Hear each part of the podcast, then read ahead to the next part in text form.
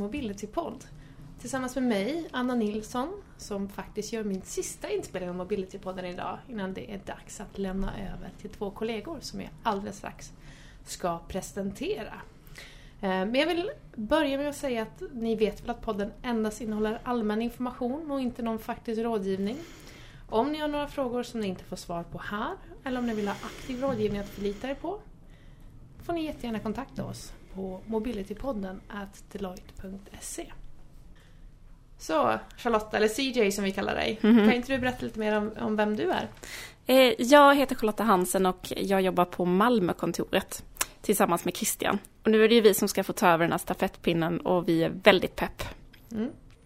Christian eller Dr. Schwarz? Ja, precis. Det ska ju bli superroligt att ta över den här podcasten tillsammans då med, med Charlotta här. Eh, och eh, Doktor Schwarz säger du, ja, jag vill ju inte riktigt outa mig själv som doktor. Visserligen så, så doktorerar jag, va? men jag har ju absolut inte disputerat, långt därifrån.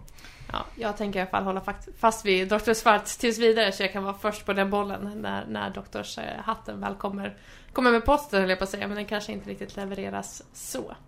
Jättespännande. Jag känner mig supertrygga med er två som eh, nästa ledare av podden. Så vi kickar igång.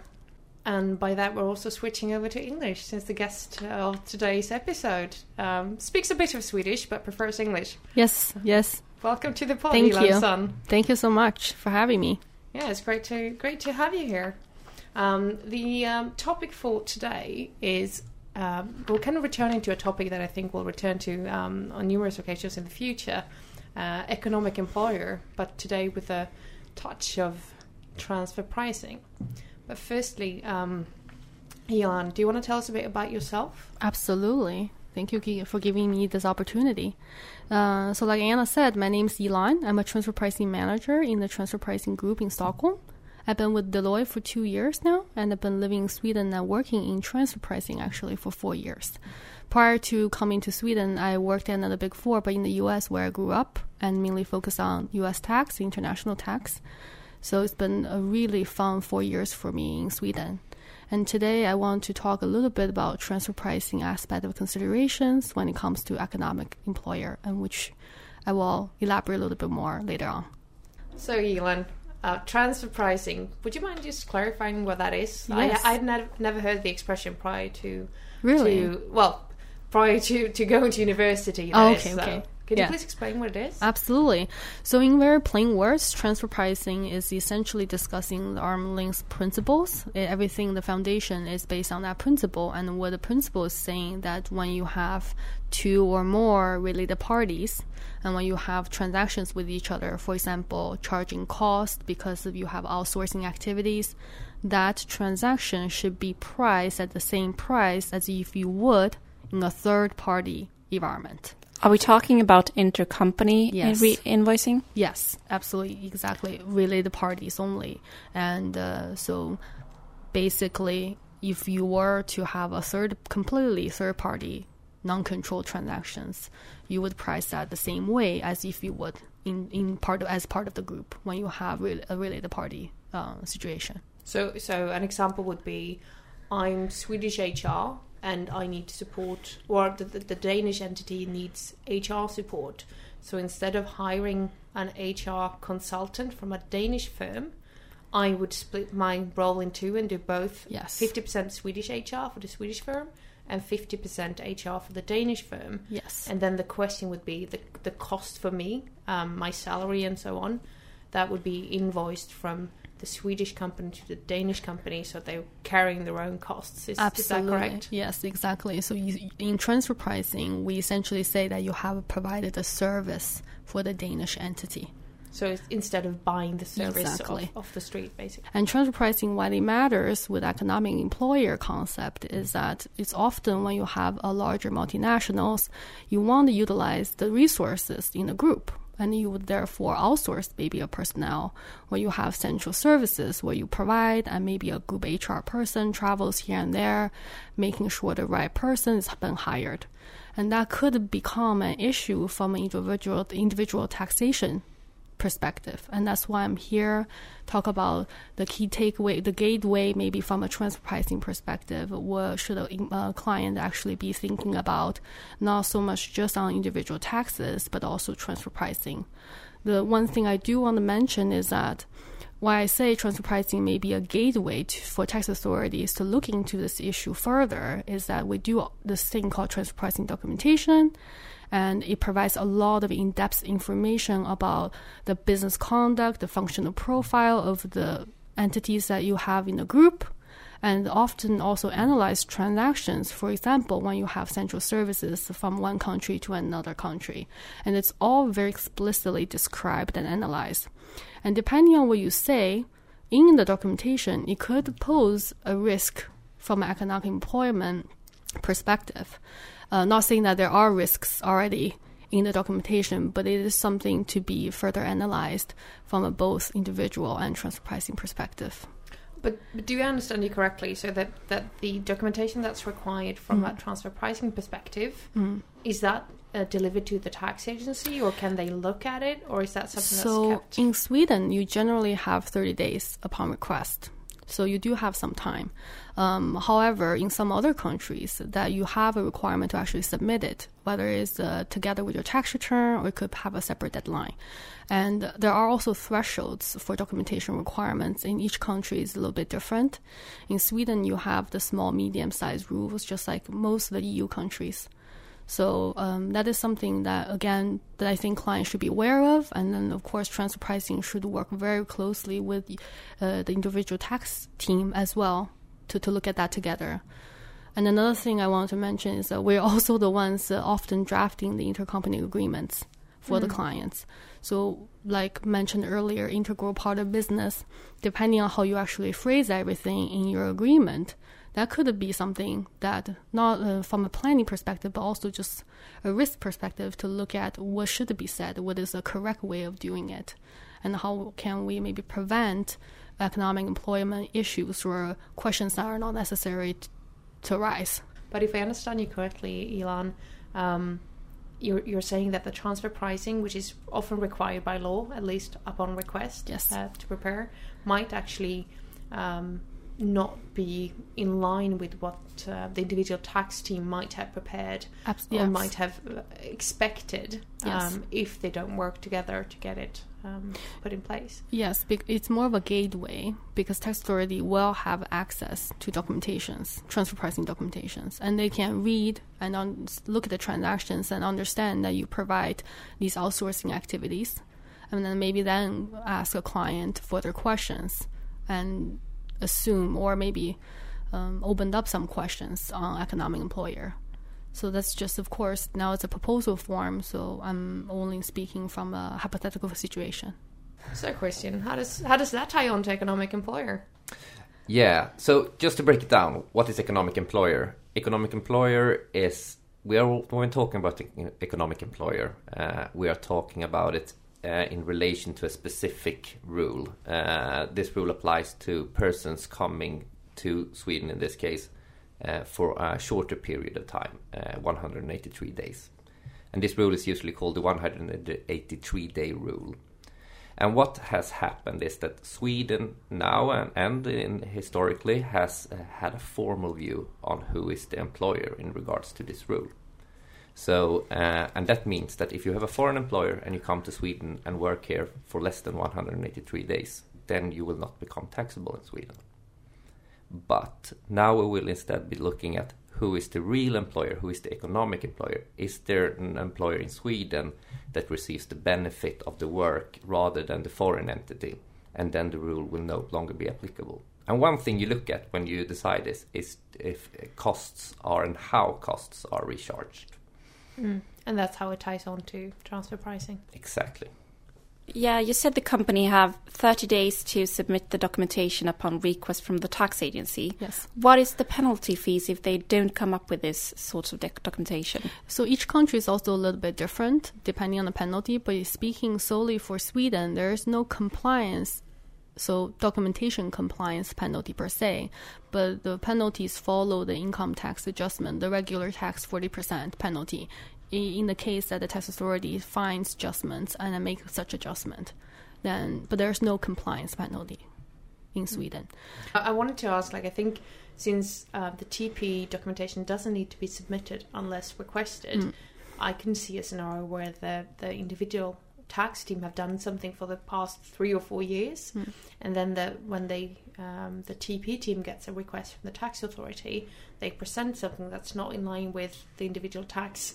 Uh, team's perspective or, or what they've done for the past four years, they Yes. might need to go back and amend the tax returns for a lot of individuals who are who've been um, in Sweden or elsewhere uh, from for many years. Yes, there's definitely that consistency um, aspect of things, which is why I mentioned earlier that it is very important going forward to understand is the, the policy, the TP policy, the TP agreements, the TP documentation, the employment contract, are they are they all speaking the same language, so to say? Are we all on the same coherent perspective. Um, so the test authority can get one story instead of multiple different stories, where then they will they will likely more have a higher probability of having more questions. Um, Are the tax agents in the different countries sharing this transfer pricing documentation between themselves? very good question. Mm, I yes. So going forward, that's the plan. Which is I don't know if everyone is aware of all the BEPS actions and the automatic exchange between the countries. And most countries will start auto changing automatically documentations. This country by country reporting we're talking about in transfer pricing, which is a very popular topic, before another podcast perhaps. So yes, the transparency is only going to increase uh, in the future. But I think this is once again highlights the the importance of actually planning in advance and making sure that you you've thought this through as a company and that you've worked together with um, more more than just your own team because there's so many other teams uh, within a company that could be involved when it comes to the tax team, HR team, um, and so on to make sure that everyone's aligned with with the process that the company has chosen. Yes, and how it is important for us Deloitte teams to work closely together to help our clients with Mm. achieving the the most optimal situation. Yes. So, Gilan, what what what do you think uh, foreign entity that wants to send a, a person to Sweden uh, to to work here for for another entity uh, for a shorter period of time? What should they be thinking out from a transfer pricing perspective? That's a very good question. So that's actually what I was going to say earlier that the proposal of economic employer doesn't change the fundamental principle for TP. So, but so therefore, it is very important to understand and uh, make it clear in the documentation that just because you send somebody to Sweden to do certain work, it may not be integral part of business. It may not exceed the 183 day rule. And in, but the recharge, if they do provide a service to the Swedish company from a TP perspective, should still be recharged or with a cost plus depending on the transaction. But that should not deem the Swe- Swedish uh, entity to be the economic employer just because there is this recharge. Yeah. And, and that's interesting because just the, the recharge and the financial uh, like arrangement uh, of, of this kind of, of uh, cross-border activities are one of the criteria that you look at when Yes. you establish if there is an economic employer in a country.